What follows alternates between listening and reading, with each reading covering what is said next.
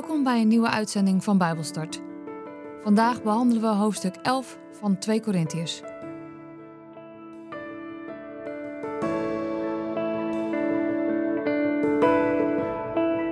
Korinthe 11.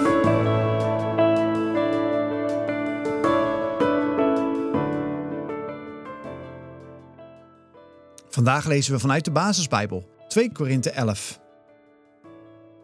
Ik hoop dat jullie er tegen kunnen als ik even een beetje onverstandig doe en toch opschep.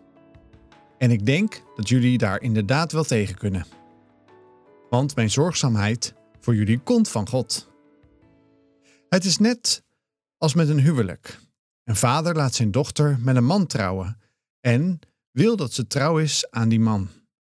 Zo heb ik jullie ook aan een man gegeven, Christus. En ik wil dat jullie trouw zijn aan hem. Weet jullie nog wat de slang heeft gedaan? Hij heeft Eva heel sluw overgehaald om God ongehoorzaam te zijn. En ik ben bang dat jullie, net als zij, overgehaald zullen worden om niet meer helemaal trouw te zijn aan Christus. Want jullie luisteren naar de eerste, de beste, die jullie andere dingen over Jezus leert dan ik heb gedaan. Jullie ontvangen moeiteloos een andere geest dan de Heilige Geest die jullie ontvangen hebben. En jullie luisteren naar een ander, zogenaamd goed nieuws. Dan het goede nieuws dat ik jullie heb verteld. Jullie vinden het allemaal best. Toch ben ik niet minder goed dan die geweldige boodschappers van God. Dat weet ik heel zeker. Misschien kan ik minder goed spreken dan zij, maar ik weet heel goed waar ik het over heb. Dat heb ik jullie in alles laten zien. Ik heb jullie het goede nieuws gebracht, zonder jullie er iets voor te vragen. Was dat dan verkeerd van me? Andere gemeentes heb ik beroofd door geld van hen aan te nemen. Dat deed ik om jullie te kunnen dienen. Maar toen ik bij jullie was en geen geld had, hebben jullie nergens om gevraagd. Want de broeders die uit Macedonië kwamen, brachten voor mij mee wat ik nodig had. Ik heb ervoor gezorgd dat ik jullie nooit ergens om hoefde te vragen. En dat zal ik blijven doen. Ik zweer bij de waarheid van Christus, die in mij is. Niemand zal mij kunnen tegenhouden dit in de hele provincie Achaïe zo te doen. Waarom doe ik dat zo? Omdat ik niet van jullie houd? God weet dat ik juist wel veel van jullie houd. Maar ik doe dat zo omdat ik wil laten zien dat die boodschappers van God, die zo lopen op te scheppen, leugenaars zijn. Ze scheppen op dat ze net zo hard voor God werken als wij. Ze doen alsof ze boodschappers van Christus zijn, maar het zijn bedriegers. Maar dat is niets vreemds, want de duivel zelf doet alsof hij een engel van het licht is. Dan is het niet vreemd dat zijn dienaren ook doen alsof zij dienaren van de waarheid van God zijn. Maar aan het einde zullen ze hun verdiende loon krijgen voor wat ze doen. Ik herhaal dus: denk niet dat ik mijn verstand kwijt ben als ik nu even ga opscheppen. Maar zelfs als jullie dat denken, heb dan even geduld met een man die zijn verstand kwijt is. Dan kan ik ook even opscheppen. Wat ik nu ga zeggen, zeg ik niet namens de Heer. Ik zeg het alleen alsof ik mijn verstand kwijt ben. Ik doe alsof ik ook vind dat ik mag opscheppen. Want als zoveel mensen vinden dat ze kunnen opscheppen over aardse dingen, dan kan ik dat ook. Luister dus even naar me. Want jullie hebben immers ook veel geduld met andere onverstandige mensen, omdat jullie jezelf zo wijs en verstandig vinden. Want jullie vinden het wel best als iemand jullie tot slaven maakt, jullie geld opgebruikt, jullie voor zich laat werken, over zichzelf opschept en jullie met zijn woorden in je gezicht slaat. Ik schaam me dat ik moet toegeven dat ik niet streng genoeg tegen jullie ben geweest. Maar toch, als zij durven op te scheppen, denk eraan. Ik doe alsof ik mijn verstand kwijt ben. Dan durf ik dat ook. Zeggen ze dat ze Joden zijn? Dat ben ik ook. Zijn ze Israëlieten? Dat ben ik ook. Stammen ze van Abraham af? Dat doe ik ook. Zijn ze dienaren van Christus? Ik praat nog steeds alsof ik mijn verstand kwijt ben. Ik ben nog veel meer. Ik heb veel harder gewerkt. Ik ben veel vaker geslagen. Ik ben veel vaker in de gevangenis gezet. Ik heb vaak oog in oog met de dood gestaan. Vijf keer heb ik van de Joden de veertig min één stokslagen gehad. Drie keer heb ik een pak slaag met de zweep gekregen. Eén keer ben ik met stenen bijna doodgegooid. Drie keer heb ik schipbreuk geleden. Eén keer heb ik de hele nacht en een hele dag in zee rondgedreven. Ik ben aldoor op reis, in gevaar door rivieren, in gevaar door rovers, in gevaar door Joden, in gevaar door niet-Joden, in gevaar in de stad, in gevaar in de woestijn, in gevaar op zee, in gevaar door namaakbroeders. Ik heb vreselijk hard gewerkt. Ik heb slapeloze nachten, honger en dorst gehad. Ik heb vaak dagenlang niets gegeten. Ik heb het koud gehad door gebrek aan kleren. En behalve dat en alle andere dingen waarmee ik mee te maken heb, moet ik ook nog alle dagen voor de gemeenten zorgen. Als iemand zich zwak voelt, voel ik dan niet met hem mee? En als iemand het geloof van een ander beschadigt, groei ik dan niet van boosheid? Als ik dan zo nodig moet opscheppen, zal ik opscheppen over andere dingen, namelijk over de dingen waardoor de mensen die tegen mij zijn, vinden dat ik zwak ben. De God en de Vader van onze Heer Jezus, die voor eeuwig geprezen moet worden, weet dat ik niet lieg. Toen ik in Damascus was, liet de bestuurder van Damascus, aangesteld door koning Aretas, de stad bewaken. Want hij wilde me gevangen nemen. Maar vrienden hebben mij toen vanuit een raam in de stadsmuur in een mand naar beneden laten zakken. En zo ben ik ontsnapt.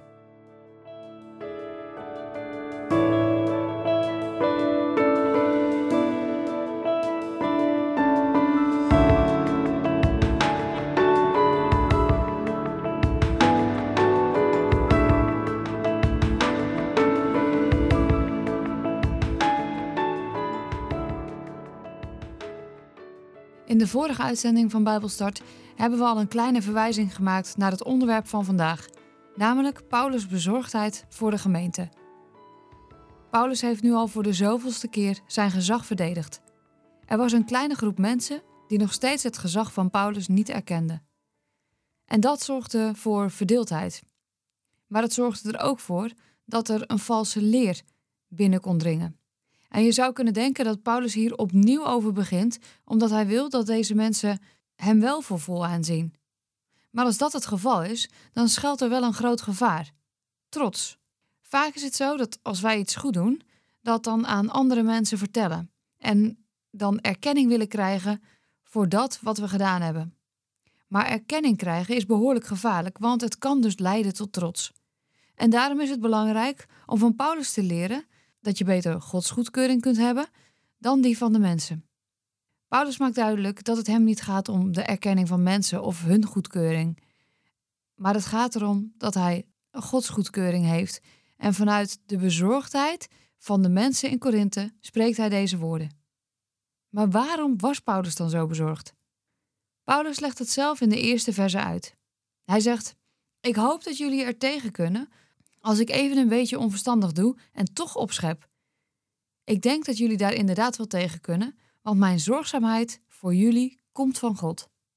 En dan legt hij uit dat hij de gemeente in Korinthe als zijn kinderen ziet.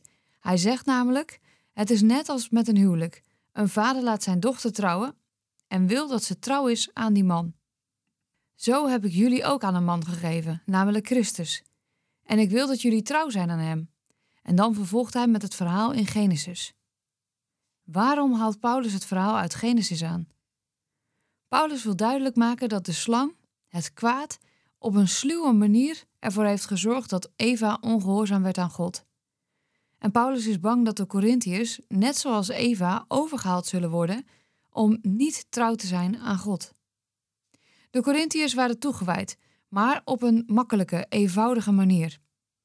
Hun geloof, hun puurheid, hun zuiverheid van het geloof, werd bedreigd door een valse leer.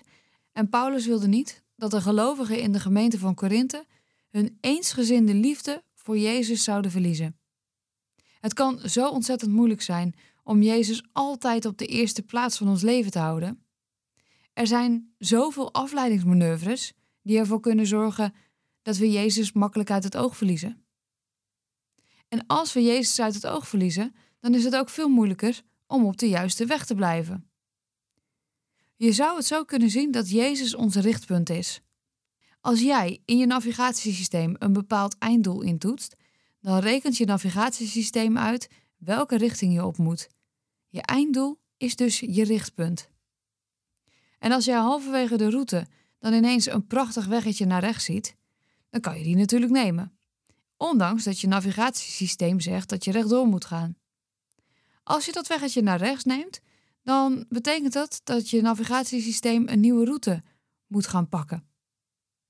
Maar het kan zo zijn dat dat prachtige weggetje naar rechts voor een enorme omweg zorgt.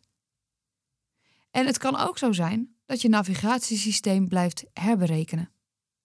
Ons navigatiesysteem is erop gericht om ons uiteindelijk toch op de beste manier op ons einddoel aan te laten komen. Alle zijwegen kunnen ons afleiden van de oorspronkelijke route. En zo werkt eigenlijk de Heilige Geest ook. De Heilige Geest wil ons altijd leiden op de beste route naar ons einddoel, Jezus. Maar al die zijwegen zijn afleidingsmanoeuvres. En die kunnen er uiteindelijk voor zorgen dat het je afleidt van Jezus. En daar is Paulus dus zo bezorgd over. Paulus waarschuwt voor leugenaars. Ze scheppen op dat ze net zo hard voor God werken als Paulus en zijn metgezellen. Ze doen alsof ze ook boodschappers van Jezus zijn, maar eigenlijk zijn het bedriegers.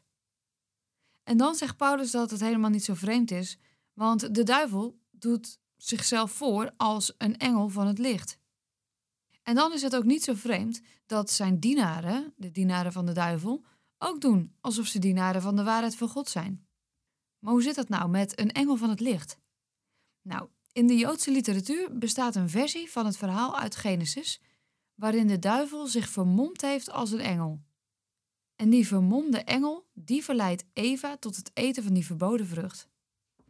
En misschien dat Paulus dat verhaal dus in gedachten heeft. Paulus wil graag Gods waarheid in de harten van de Corinthiërs planten. En die staat ver weg van de waarheid van de duivel. En valse leraars gedragen zich dus net zo als die vermomde engel van het licht. Ze liegen schaamteloos. En het is soms lastig het verschil te zien tussen wat nu wel en wat nu niet van God komt. Want ook de duivel en zijn dienaren kunnen er best wel aantrekkelijk en moreel uitzien. Hoe vaak gebeurt het niet dat mensen leiders volgen die mooie praatjes hebben? Die bijvoorbeeld politieke uitspraken zo vaag kunnen houden dat ze prachtig lijken, maar tegelijkertijd niet zeggend zijn. Leiders die perfect weten in te spelen op de psychologie van mensen, waardoor ze heel vroom en waardoor het heel bijbels lijkt wat ze zeggen, terwijl het in werkelijkheid alleen maar misleidend is. En het lijkt er ook op dat sommige leiders ook de Bijbel citeren. En als christen is het daarom heel erg belangrijk om te luisteren naar wat er gezegd wordt en het dan te toetsen aan Gods waarheid.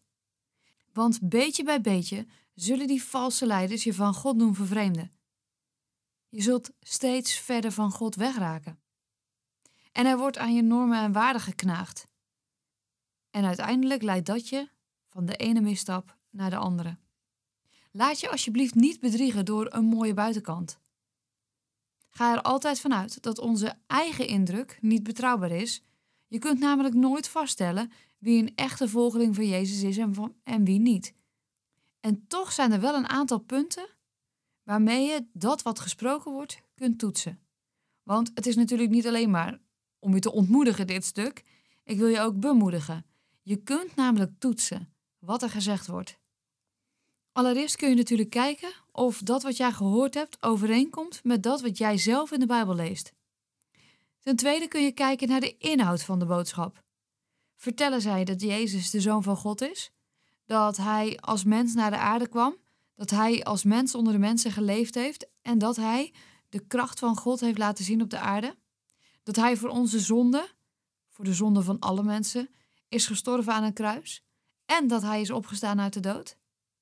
Als dat niet verteld wordt, twijfel dan aan de waarheid van de boodschap die die leider brengt. En als laatste kun je natuurlijk kijken naar hun levensstijl. Klopt die met de Bijbelse moraal? Paulus hoopt met zijn bezorgdheid mensen wakker te schudden. Hij hoopt dat ze in zullen zien welke invloed de valse leraars hebben in hun gemeente. En de mensen zeggen van Paulus dat zijn brieven misschien wel streng zijn, maar dat hij, als je hem in het echt ontmoet, maar weinig voorstelt. En ik denk juist dat Paulus daar zijn kracht heeft zitten. Paulus had een enorme taak gekregen van God. Hij mocht namens God het evangelie verkondigen.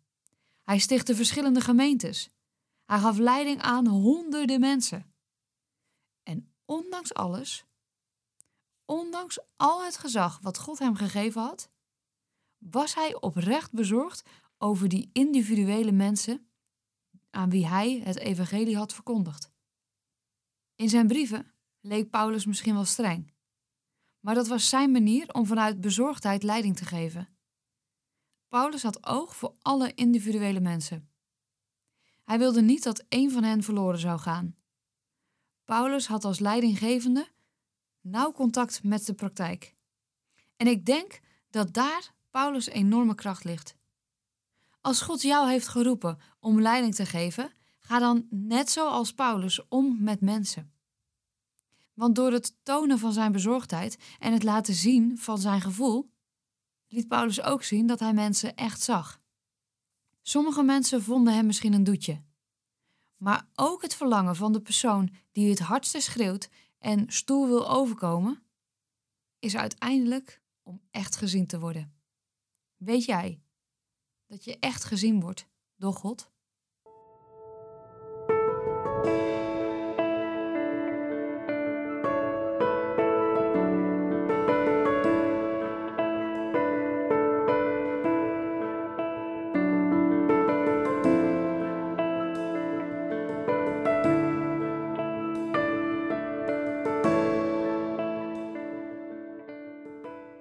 Dit was Bijbelstart, een programma van TWR. Het is gebaseerd op het Amerikaanse programma Through the Bible, ook wel TTB genoemd. En deze uitzending is een samenvatting van twee afleveringen. Wil je meer weten? Ga dan naar ttb.org of ga naar twr.nl/bijbelstart.